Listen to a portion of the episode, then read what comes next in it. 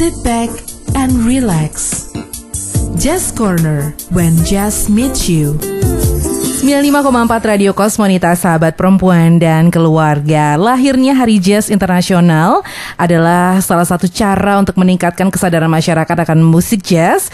Dan agar lebih banyak lagi masyarakat yang menyadari pentingnya musik jazz bagi pendidikan, sarana dialog dan juga kerjasama dalam masyarakat Sampai soal kesatuan dan perdamaian. Well, spesial di hari ini para Kosmonita Jazz Corner akan menyambut Hari Jazz Internasional yang akan diselenggarakan nanti di tanggal, tanggal 30 April ya. Seperti yang sudah saya sampaikan tadi bahwa akan ada special talk show dengan beberapa narasumber yang keren-keren banget. So don't go anywhere. Wina bersama Anda di Jazz Corner.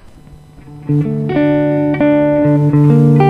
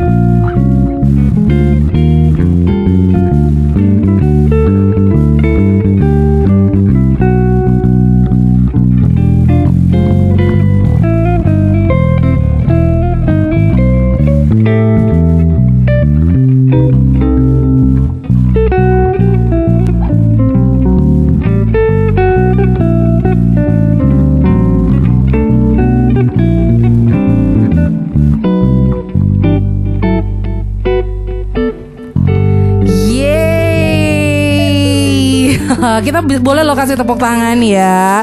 Wow, itu tadi bukan record loh para kosmonita ini live ya yang dimainkan sama Aldi dan Kiki dari Otun. Selamat malam. Selamat malam. Oh, kalau gitu gede banget ya. Maaf. Suaranya jadi gede banget ya. Aldi, Kiki, selamat malam. Kiki tadi yang bermain gitar, Aldi yang bermain bass. Tapi di sebelahnya ini bukan orang tuanya yang nganterin, bukan ya? Ah, bukan. selamat malam Pak Hidayat, boleh pakai mic yang ada di depan Bapak?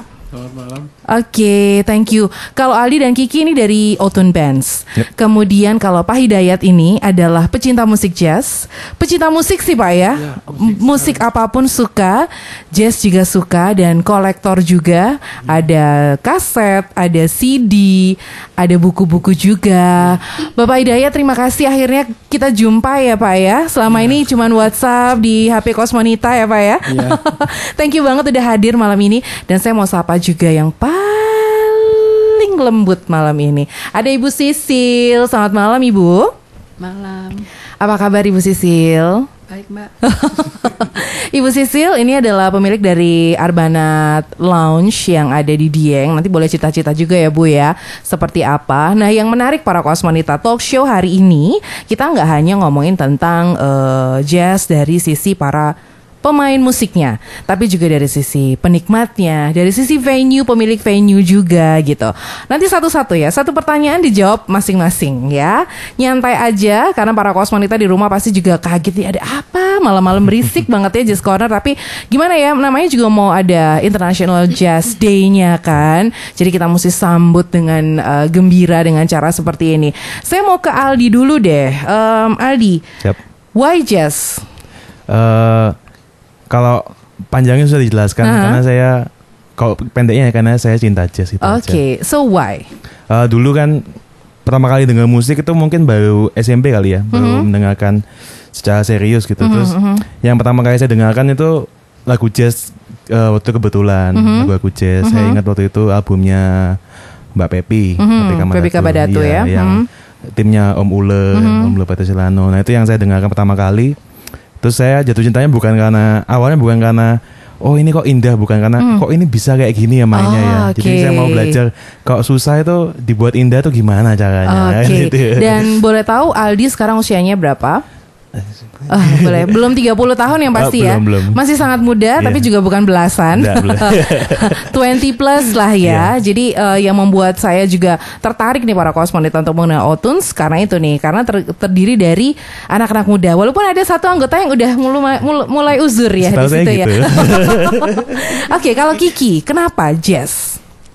Eh, mungkin karena jazz lebih bebas. Oke. Hmm, ya suka aja. Oke, kalau secara musik Kiki eh, dulu mengawalinya apakah langsung gitu dengan main musik jazz? Kamu masih sangat muda, belum 25 tahun ya? Belum. Belum 25 tahun, tapi skillnya terus diasah gitu dan mau belajar sama orang-orang yang yang eh, udah udah expert di situ. Apa yang menggerakkan Kiki sampai mau bela-belain sampai les lah, sampai berguru ke sana kemari gitu? Kenapa? Ya mungkin kayak jazz itu ilmunya banyak ya. Mhm, mhm. Jadi Kayak ada- penasaran, gitu penasaran, ya. Oke, thank you Kiki. Nanti kita ngobrol-ngobrol lagi. Kiki ini pemalu ya. Mending suruh main gitar sejam daripada suruh ngomong kayaknya. Kayak gitu. Langsung kita ke Pak Hidayat. Kalau Pak Hidayat sebagai eh, pecinta musik jazz, em, tadi sih udah diceritain kenapa. Tapi para kosmonita di rumah kan belum denger nih. Kenapa bapak suka sama musik jazz? Saya sejak kecil dengar lagu jazz dari piringan hitam bapak saya. Mhm, Terus juga bapak saya kan semi profesional lah penyanyi jazz. mhm. Di Malang Saya- Pak. Di Malang ya.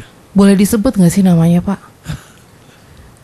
Mungkin nggak nggak semua orang tahu kan Hmm. karena nggak nggak nggak ju- Nggak populer. bukan bukan nggak popu- populer dia punya komunitas sendiri Oke. komunitasnya sendiri Mhm. nggak jadi nggak nggak nggak secara makanya saya bilang semi Oke. karena tertentu aja lah di Oke. wak- karena saya punya ketur apa darah Madura juga Mhm, seperti dia sering nyanyi di perkumpulan Madura nggak tahu namanya apa saya Oke. waktu pokoknya di Malang ini ada perkumpulan Madura Oke. atau Kemanten atau Mhm, mhm, mhm.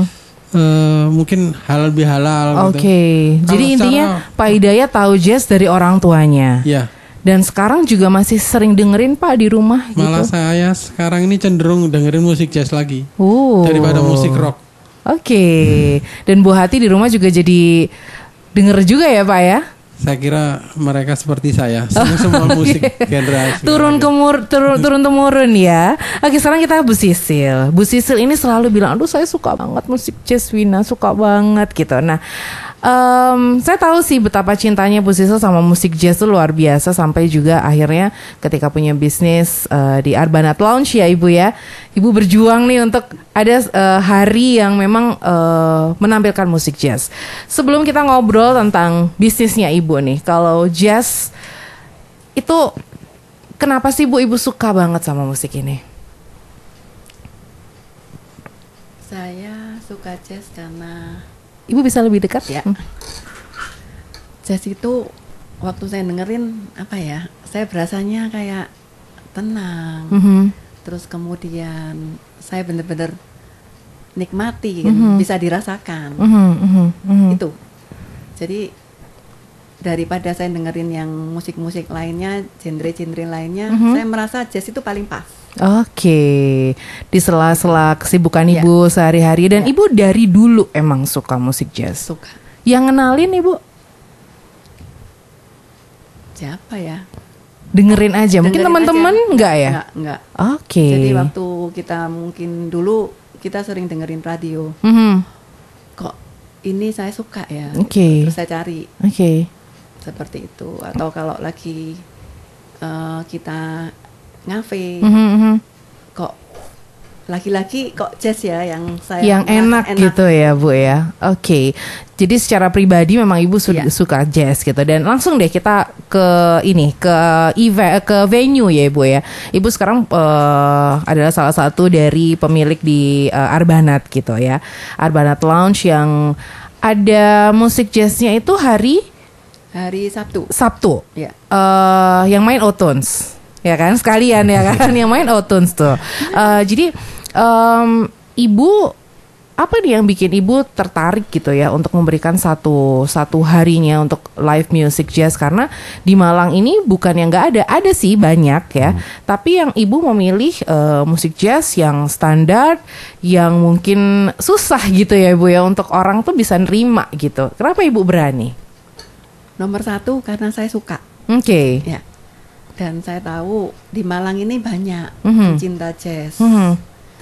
Saya berharap pencinta jazz yang ada di Malang ini ada wadah Mhm. tempat kita menyediakan eh, makanan Mhm. yang bagus Mhm. dan kemudian saya juga pilih Mhm. otun yang bagus, Mhm. penyanyinya bagus, pemain musiknya bagus. Terima kasih Bu, gitu. Saya berharap Aha. dengan kombinasi itu, Mhm.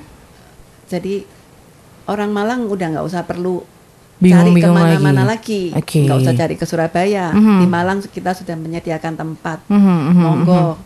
pencinta-pencinta jazz bisa gabung ke tempat kita untuk mendengarkan Otuns hari Oke, Sabtu. Ibu, em, sering kali kalau dari sisi bisnis jazz itu nggak menguntungkan loh Ibu, Nggak menjual. tidak menjual. Apa yang apa yang bikin Ibu tetap tetap eh, confidence gitu untuk untuk eh, tetap menghadirkan musik ini gitu, sepi rame rame banget, sepi banget gitu, tapi tetap aja gitu. eh mungkin masih belum lah, Mhm. belum belum karena kita masih kira-kira masih sebulan ini ya. Mhm, mhm, mhm. Saya berharap dengan nanti banyak orang yang tahu, Mhm. buktinya eh Bapak Pak Hidayat Pak Hidayat yang, yang suka jazz aja belum Aha, tahu. kalau oke. Arbanat itu ada jazz. Oke, Gitu. jadi pelan-pelan ya Bu ya. pelan-pelan saya sabar Mhm. ya dengan Otun kita bisa mengundang Mhm. pencinta-pencinta jazz untuk datang ke Arbanat Oke. selain menikmati makanan, Mhm. menikmati suasana, Mhm. Juga menikmati jazz. Musiknya, thank you Ibu. Sekarang saya mau ke Pak Hidayat. Pak Hidayat, tadi kan udah dengar dari sisi pemain musik, dari pemilik venue. Bapak sendiri juga mungkin asik sendiri di rumah juga gitu ya Pak ya. Eh, Sebenarnya Bapak lebih nyaman nonton jazz yang record, yang dari CD gitu, atau lebih suka yang live music gitu sih Pak? Dua-duanya lah. Dua-duanya suka ya. Apa ya apa ya, eh, apa yang membedakan misalnya Bapak kalau nonton live music jazz dengan eh, musik jazz yang lain eh, musik eh, live yang lain? Yang ditunggu-tunggu tuh biasanya. Jazz itu kan nggak ribut ya. Mhm. Kalau musik rock saya juga juga pernah nonton konser musik rock. Tapi jazz itu lebih lebih kalem lah. Oke, itu yang bikin enak ya Pak ya, sampai sama Iya. keluarga juga nggak apa-apa ya nggak sih? Oke, kita bakal ngobrol-ngobrol lagi, kita break dulu sejenak, nanti bakal ngobrol sama Otuns Band, kemudian ada Ibu Sisa dari Arbana dan juga Bapak Aidayat pecinta musik jazz. 95,4 Radio Kosmonita sahabat perempuan dan keluarga. Masih di Jazz Corner dan juga yang spesial nih hari ini para Kosmonita. Talk show kali ini saya nggak sendirian aja Karena talk show rame-rame. Ada dari band, ada dari pemilik venue Ada juga pecinta musik jazz. Sekarang saya mau ke Aldi deh. Aldi, mumpung ada Bu Sisil nih ya Mewakili eh, para pemilik venue yang ada di Malang. Sebenarnya Otuns tuh susah nggak sih Kalau cari eh, venue gitu yang mau nerima gitu ya Otuns tuh dikasih jadwal sehari aja susah nggak sih? Eh, kalau dibilang ya susah-susah gampang ya. Kadang eh, mungkin kesulitan pertamanya tuh kita menyampaikan visi kita ke pemilik venue. Jadi kita kan eh, ya kepinginnya bukan cuma main aja, tapi membagikan apa yang kita tahu soal jazz. Semoga yang eh, belum suka jadi suka, yang sudah suka ada tempat untuk mengumpul gitu. Kadang-kadang Oke. kalau nggak bisa ketemu sama visinya sama yang pemilik venue itu sulit. Tapi kalau di Abana kebetulan Bu kan suka jazz, jadi Aha. kita satu visi lah untuk uh, menjalankan saya, apa kami kepingin uh, membagikan apa yang kami punya, terus ada mengundang te- orang-orang juga untuk datang ke Abana ke venue. Oke, masing-masing karena kan gitu. percuma juga ya kita latihan terus gitu, Iya, tapi betul. kita nggak punya tempat nih untuk show, Betul. ya kan? Eh, atau sekarang sebenarnya sudah gampang sih, misalnya kita eh, pakai YouTube segala macam, tapi beda gitu ya kalau misalnya kita bisa ketemu langsung Betul. nih sama pecinta musik jazz atau orang yang kadang makan terus mereka pengen berlama-lama di situ gitu ya. Jadi itu ya curhatannya anak band jazz di Malang ya. Iya, kurang lebih. Eh, nggak mudah untuk menemukan venue yang mau menerima musiknya karena jazz itu kan gede banget ya Hmm. mau jazz yang mana gitu dan Otuns memang sudah sudah komit untuk bermain di musik jazz seperti ini stand, apa standar, ya. sekolah Latin juga. gitu. Oke, Ha. makanya kita nggak nggak nggak bosan-bosan ngomong thank you ya buat Iya. Arbanat ya. Oke, kalau langsung deh ke Bu Sisil. Ini tadi curhatannya anak band nih Bu ya. Se sebesar apa nih Ibu akan terus eh, memberikan tempat pada musik jazz? Mungkin nggak cuma sama Otuns sih, sama band-band yang lain juga ya, Hmm. yang mungkin akan muncul lagi nih generasi-generasi yang baru lagi. Gimana Bu? Eh, Albanat tetap menyediakan tempat. Mhm, Eh, sementara ini oldies mhm. kita juga sediakan. Oh di hari Jumat hari ini ya Bu Jumat, ya? Mhm. Terus kemudian eh, jazz yang kita tempatkan memang di hari Sabtu. Mhm, mhm. Nah, saya berharap nanti kalau seumpama ada yang mau ngisi lagi ya toh, pecinta jazz, pemusik, monggo. Welcome ya Ibu ya, bisa langsung ke Arbanat Iya, gitu ya. Oke, mungkin dengan kita ngobrol-ngobrol di malam ini juga mulai terbuka nih ya teman-teman yang mungkin selama ini, aduh susah banget ya masukin proposal ke sana kemari mungkin kok susah gitu. Nah, em, saya balik lagi ke Aldi. Sebenarnya meyakinkan atau eh, membuat venue itu mau menerima band dengan eh, musik yang sangat segmented kayak gini tuh apa aja sih perjuangannya? Eh, kadang kita eh, harus keluar dari visi kita kan. Kita yang paling sering kita diminta untuk berkompromi. Kalau berkompromi kan ada lah jalan tengahnya kita bisa mengusahakan. Mungkin ada lagu-lagu. Ini yang kami lakukan kalau setiap hari Sabtu eh, minggu ketiga minggu keempat ada tribute untuk eh, band atau artis yang bukan jazz itu kan yang kemarin Beatles nanti besok ini eh, Michael Jackson. Oke, Jadi kita besok tribute to Michael Jackson Iya, ya. ha, jadi menemukan antara eh, idealisme sama orang maunya seperti apa gitu. Oke. Tapi kalau kita eh, saya ini pengalaman ya. Jadi kalau terlalu sering disetir ke arah keluar dari visinya kita itu yang apa yang nggak enak juga akhirnya jadinya. Kita yang kita sebagai pemain kok lama-lama tuh ngedumel terus kok aku dulu mintanya kepengennya jazz janjiannya. Aha, aha, aha. Terus yang punya venue tuh oh, jazznya kok terlalu susah ya gini. Iya. Itu itu masih terjadi. Jazznya kok terjadi. berat ya. Nah, iya, itu betul. ya biasanya kata kuncinya yang selalu didengerin. Istilahnya dipakai kok berat ya kok. Iya. Itu itu yang saya kadang kurang paham itu loh. Oke. Istilah yang dipakai berat harusnya kalau musik kan dinikmati ringan harusnya kan bisa dicerna. Jangan Nggak jazz yang sulit-sulit, jazz yang anak muda aja. Nah, ini Bu Sisil yang sering kali eh, dihadapi. Saya tuh kayak anggota Otuns ya tahu. Eh, rasanya. ya. kayaknya iya. kayak mewakili banget gitu ya. Sering kali kayak gitu Ibu. Jadi, aduh musik jazznya jangan yang berat-berat dong. Yang sekarang-sekarang aja gitu. Gimana Ibu menanggapi Saya- itu? Dengerinnya kayaknya ya enak tuh, Mhm, mhm. nyantai. Oke. Terus ya didengerin ya bisa. Mhm, Menurut mhm. saya sih nggak nggak berat lah. Oke, jadi eh, mungkin tuh karena persepsi ya, karena stigma. Saya langsung ke hadapan saya nih, ke Pak Hidayat. Ini loh Pak yang terjadi ya, curhatannya anak band nih, atau mungkin curhatannya venue juga gitu ketika mencari eh talent talent jazz nggak gampang. Begitu ada ternyata nggak match gitu. Yang beruntung Otuns ketemu sama Arbanat mungkin match gitu. Nah kalau bapak sendiri sebagai penikmat atau orang yang yang ada di di di depan panggung ya kan. Nah ngeliat tuh seperti apa sih pak? Mungkin bapak bisa bandingin juga di kota lain atau di negara lain yang bapak pernah tinggalin gitu. Contohnya ini, saya pernah nonton level 40 itu. Uh. Level 40 itu waktu itu sudah nggak ada semua kecuali marking aja basisnya yang original line up. Mhm. Mike Lindep sudah nggak ada. Mhm. Akhirnya kan dia tanya, "Saya- ayo ayo, siapa mau apa request? Ternyata penontonnya nggak ngerti lagu. Akhirnya saya saya iseng sebetulnya. Iya. Saya ada di pojok sendiri saya iseng. Love Games saya bilang. gitu. Oke. Dia main Love Games sendiri solo dia. Oke. Akhirnya setelah anu, saya dida- di, disamperin terus saya dikasih selamat. Uh. Akhirnya semua kan minta, semua akhirnya di, dikasih selamat juga. Oke. Jadi saya bilang apa ya? Antara penikmat jazz Mhm. sama musisi jazz kadang-kadang nggak nggak apa Nggak ketemu nggak. Oke.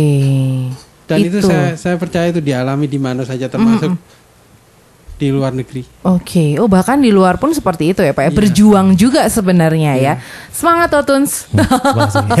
Harus berjuang ya, nggak boleh patah arang yang pasti. Nah kalau Bapak ngelihat nih ya sebagai em, kalau bisa dibilang tuh penikmat tuh kan juga eh, apa komentator juga ya Pak ya. Eh, orang yang tidak ada di bisnisnya tapi menjadi bagian penting dari sebuah bisnis eh, eh, hiburan gitu ya. Salah satunya adalah musik jazz. Bapak ngelihat Malang nih gimana sih Pak? eh untuk gimana ya bukan kompetisinya sih tapi kehidupan musik jazz di mata bapak tuh seperti apa kalau di kota Malang? Saya kira Malang kan pernah jadi barometer Hmm. meskipun itu rock.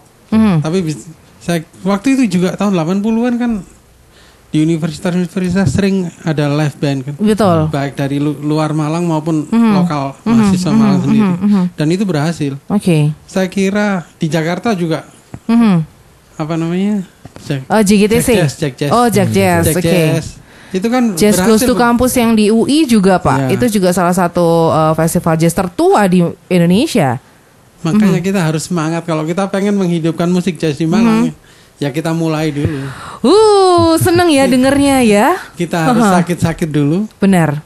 dan saya yakin itu akan berhasil. Enggak? Disupport ya Pak Hidayat ya, ya, janji ya. Karena itu ini seperti segitiga gitu ya. Ada pemain musik, ada uh, venue, Penikmat. penikmatnya juga, ada media juga yang kita memang harus bergandeng tangan nih gitu. Karena musik jazz ini memang bukan satu-satunya musik yang baik ya. Semua musik baik gitu. Tapi kalau kita kenal musik ini itu luar biasa deh. Oke, eh, nanti kita bakal ngobrol di sesi yang terakhir. Nanti juga Otuns bakal eh, memainkan satu nomor juga ya. Bakal ada musik lagi dari Otuns Live untuk Anda. So don't go anywhere para kosmonita masih bersama Jazz Corner bareng Wina. Life, love.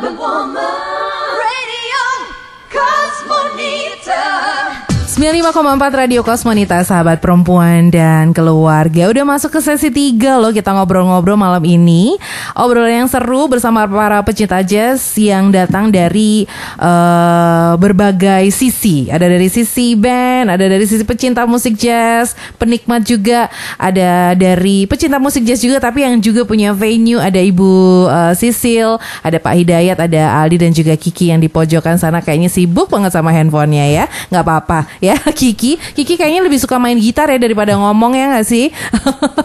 Biar diambil sama Aldi sama pemain musik lainnya aja ya. Oke kita sekarang ke, ke obrolan tentang Jazz Day. Uh, kalau dari historinya uh, International Jazz Day itu memang uh, di tahun 2012 ya di uh, di suggest dari Perserikatan Bangsa-Bangsa yang menggelar rangkaian perayaan Hari Jazz Internasional untuk pertama kalinya di Paris, Prancis 2012. Selain perayaan itu juga dilakukan di uh, kelahiran jazz di New Orleans, Amerika Serikat dan puncaknya digelar konser besar-besaran di markas besar PBB di New York. Sepenting ini ya Pak Hidayat ya musik jazz sampai PBB pun ikut loh ke, uh, untuk menghandle ini. Menurut Bapak gimana sih dengan adanya Hari Jazz Internasional ini Pak? Ya senang lah. Hmm. Berarti musik jazz dihargai secara internasional enggak? Diapresiasi ya, Cuma- Pak ya. diapresiasi. Mhm, mhm. Sempat kita ngobrol beberapa waktu hari yang lalu nih. Nggak cuman nggak cuman eh, pemain musik jazz aja di bahkan di kota kelahirannya. Berakhir itu kayak menyedihkan gitu ya Pak ya. Meninggal karena sakit, meninggal dengan tanpa punya apa-apa gitu. Kalau Bapak ngelihat seperti apa Pak? Gaya hidup pemain musik atau mungkin bisnis musik jazz itu seperti apa sih gitu sampai sampai akhirnya ternyata eh, musiknya tuh keren gitu tapi ternyata kehidupannya tuh berbalik mungkin 180 derajat dari ketika di stage. Saya nggak tahu itu kenapa, tapi yang jelas mungkin karena gaya hidup juga bisa. Mhm, mhm. Eh, perasaan saya di Indonesia juga sama. Mhm, mhm. Seniman di Indonesia rata-rata ya, ya maaf aja seperti Sri Mulat atau Kartolo itu kan berakhir dengan tragis. Oke, walaupun Kartolo masih berjuang ya sekarang ya Pak ya. Ya, tapi yang lain, yang Oke. kan kan mereka juga menderita miskin. Mhm. Saya nggak nggak nyangka kalau di luar negeri seperti Jacob Pastorius sampai dihajar sama bodyguard terus meninggal di tempat itu. Mhm, mhm, mhm. Itu saya saya Kayak tragis banget ya Tragis, Pak ya. tragis. Mhm, mhm. contoh lain Hairil Anwar. Mhm. Hairil Anwar kan hebat saya saya pengagum Hairil Anwar tapi kenyataannya ya maaf maaf aja dia meninggal gara-gara sifilis yang akut. Oke, oke. Oke, ini catatan ya para, buat para pemain musik ya yang generasi muda tolong tolong dijaga banget tuh. Musiknya udah oke, gaya hidup juga memang harus karena nanti seiring dengan semakin semakin eh, diketahui oleh banyak orang, semakin banyak juga mungkin rezekinya gitu. Kadang suka lupa ya. Tapi mungkin musik ini, musik jazz mungkin selalu ngingetin kita untuk selalu ini ya terkontrol gitu ya Aldi ya.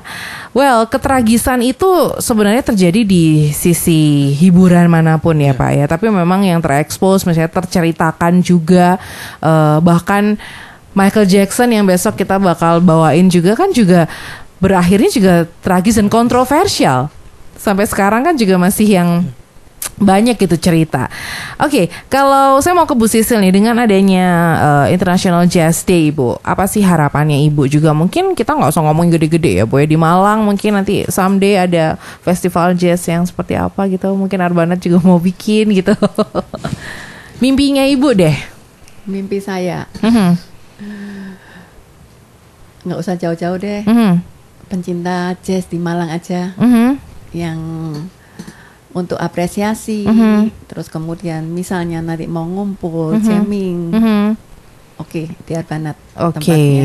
jadi jamming itu adalah salah satu eh apa ya tradisi ya Betul. di di eh, musik jazz gitu. Kita juga merindukan itu sih sebenarnya Betul. eh untuk bisa ada jam session yang wuh seru gitu dari lintas genre mungkin atau lintas usia gitu karena di Malang ini memang unik ya Aldi ya kalau dibandingin sama kota-kota yang lain. Betul. Saya pernah ting- tinggal tidak di Malang gitu bisa ngelihat bahwa wow cair banget suasananya mau lulusan dari Berkeley mau dari mana mereka eh, mungkin teredukasi atau akademik banget tuh jazznya atau musiknya sama orang-orang yang mungkin autodidak gitu. Mereka bisa blend ketika uh, jam session gitu. Kalau mimpinya Aldi deh atau juga nanti Kiki, mimpinya nih uh, mumpung kan Jazz Day, Jazz International Day ini. Kita boleh dong punya harapan gitu buat jazz di Kota Malang. Eh, harapan saya sih cuma kalau yang suka mau datang untuk mengumpul apresiasi Mhm. dan yang punya keinginan meskipun sesedikit mungkin atau sebanyak mungkin itu Mhm. mau ikut bergabung untuk secara aktif bermain Mhm. karena kita sebagai pemain kan juga butuh audiens sebagai apresiator karena kita nggak Mhm. punya karya punya kemampuan Mhm. tapi nggak ada yang lihat ya percuma kalau Iya, ya. tanpa ada hal itu kayaknya nggak lengkap lah makanya kalau Mhm. saya pengennya yang suka ayo kita kumpul yang Mhm. kepengen belajar meskipun masih nggak berani apa apa Iya, iya. itu harus dihilangkan dulu nanti kita ketemu ngobrol-ngobrol lah nanti kan pasti bisa Mhm. yang belajar karena kan nggak ada yang lahir langsung bagus kan nggak ada Oke, karena Aldi juga eh, sekarang punya murid ya, Bas beberapa. beberapa. gitu. Jadi akhirnya masuk juga gitu di di eh, area edukasi, Iya, ya nggak sih. Kiki akhirnya mic-nya dinyalain lagi. Kalau Kiki harapannya apa? Harapan sih ya kayak generasi muda itu Mhm. pengen belajar jazz meskipun sedikit nggak apa-apa. Oke, teman-temannya Kiki ya. Karena kadang teman-teman itu malunya paling depan. Oke, udah ngerasa susah dulu terus Iya. nggak mau pelajarin ya? Iya. Mhm, mhm. Aduh, angele. Iya. Kadang yang itu yang malah bikin susah. Oke. betul, betul. Dan Kiki sebenarnya juga bagian dari perjuangan juga kan bisa sampai sekarang ini kan ya. Mungkin mau say thanks gitu buat para guru atau siapa nih yang atau juga kamu mau say thanks nggak harus yang ada di Malang ya. Mungkin kamu eh siapa nih yang disuka atau yang bikin kamu tuh pengen belajar jazz gitu. Ya, makasih buat guru-guru saya, Mhm, mhm, Om Charles, Mas Musa, mhm. Terus ada Om Eko di Kediri, Oke. terus ada Mas Norman, Mhm, mhm. saksofon, itu yang memberi saya ilmu Semangat terus Iya. ya. Oke, jangan nangis dong. Jadi sedih loh. Tapi pasti terus belajar terus ya kan. Oke. Ada yang mau disampaikan lagi Kiki? Ya, apa? Ya, cukup. Udah cukup ya. Ya. Oke, kalau Aldi mau thanks sama siapa nih untuk perjalanan karir yang mungkin bisa dibilang ini masih sangat awal gitu ya. Buat Aldi gimana? saya mau berterima kasih paling eh, ke audiens ya Mhm. sesedikit apa pun yang datang, sebanyak apa pun yang datang, se- sebesar kecilnya apresiasi yang mau tepuk tangan, wanter, yang, yang mau kasih tip, atau yang cuma ngelihat sambil sambil gini sambil, Sambil jentik jari, ketuk-ketuk itu ya. aja udah hal kecil itu udah membuat eh, saya terutama Mhm. itu merasa belajar itu nggak percuma. Oke, gitu. oke. Ya audiens nomor satu. Apresiasi. Iya apresiasi itu Kasih yang tip yang itu ya. Kalau mau lebih ya nggak apa-apa. Oke, mungkin eh, untuk para idola-idola mungkin siapa sih yang membuat Aldi terus mau belajar mungkin papanya di rumah mungkin. ya kalau saya kenal musik jazz pertama dari bapak kan juga sebagai pemain itu inspirasi pertama saya Bapak untuk- Ping Pradana harus disebut dong. oh iya iya boleh. Eh, itu yang inspirasi saya pertama bermain musik dan juga terutama senior senior yang di Surabaya yang di Jogja yang di Jakarta itu yang saya nggak bisa sebut namanya satu-satu itu yang jadi pendorong saya untuk bisa tetap belajar ngasih semangat. Mhm. dan mereka intinya tuh tidak tidak merendahkan siapa pun yang mau belajar mulai belajar. Jadi nggak ditakut-takuti oh jazz itu susah gini-gini. Nggak. Tapi kamu kalau mau pasti bisa itu Oke. intinya mereka ajarkan tuh saya berterima kasih sampai kapan pun nggak bisa hilang terima kasihnya Uh, jadi terharu ya. Thank you ya Aldi ya. Siap. Aldi ini masih muda loh Pak Hidayat, tapi dewasa mungkin karena musiknya ya Pak Hidayat ya. Oke Pak, Hidayat, Pak Hidayat sebelum menutup obrolan kita mungkin ada sesuatu yang mau disampaikan buat para kosmonita, buat para pecinta musik jazz yang ada di Malang gitu. Monggo. Saya pengen apa memberikan saran sama Aldi aja. Hmm. siap The Police waktu itu pernah pertama kali dia manggung. Mhm. Hmm. Police tuh ditonton kira-kira 50 orang lebih lah. Mhm. Terus mereka pergi semua. Oke. Tinggal empat atau lima orang. Mhm. Itu ada di box set CD saya kalau mau dibaca. Mhm. Terus langsung mereka berhenti sebentar. Terus mereka ngomong, kalian ada penggemar setia kami yang pertama. Uh. Karena kalian kami main terus sampai satu jam lebih. Uh, Ya, itu. Jadi keren. jangan patah arang lah. Jangan Oke. Siapa? Semangat.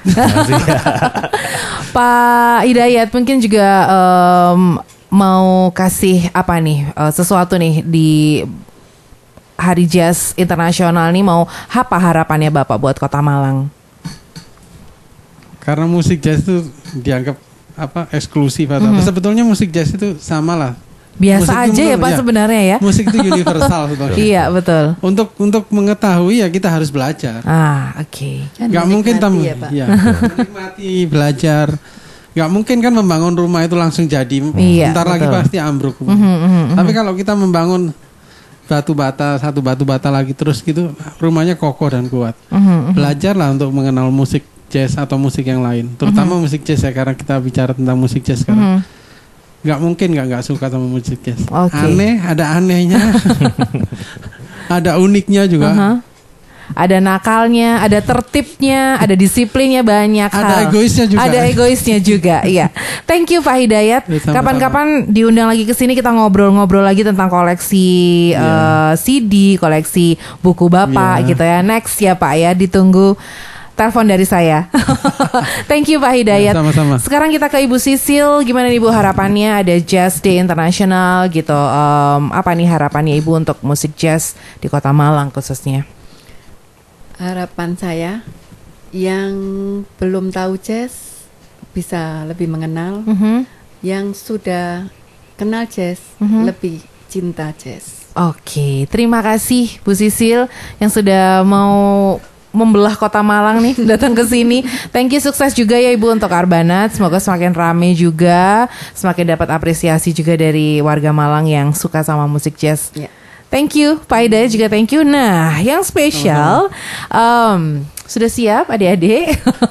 Eh, Tosya kali ini bakal ditutup sama satu musik. Vokalisnya udah datang ya, Kayaknya Aldi ya? ini. Udah ya. Oke, satu musik ini sebagai hadiah untuk kita semuanya menyambut International Jazz Day. Satu musik dari eh, Pepi Kamadatu yang membawakan eh, We Are Alone ini dengan sangat luar biasa dan ini menjadi eh, inspirasi juga buat kami.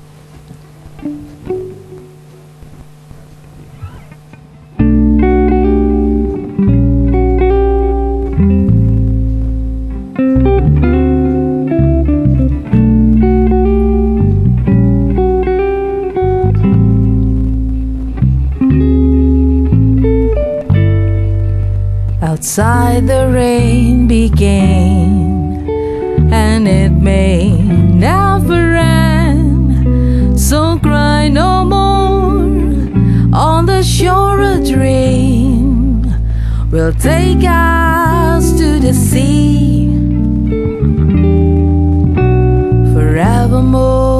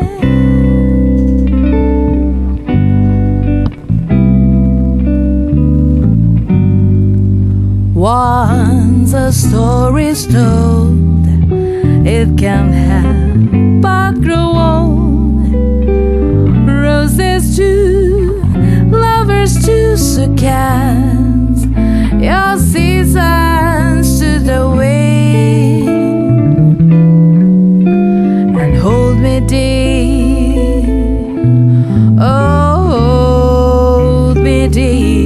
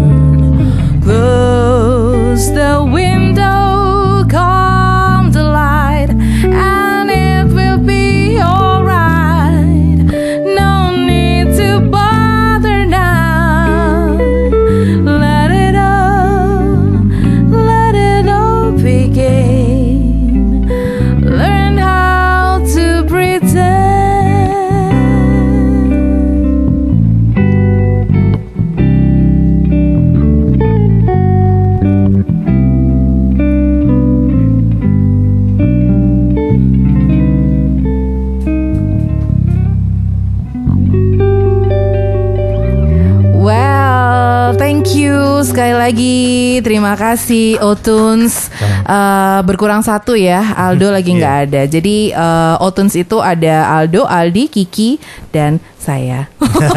Terakhir aja ngomongnya. Well, thank you sekali lagi para kosmonitas. Semoga kita semua bisa merayakan Interna- International Jazz dengan cara kita masing-masing.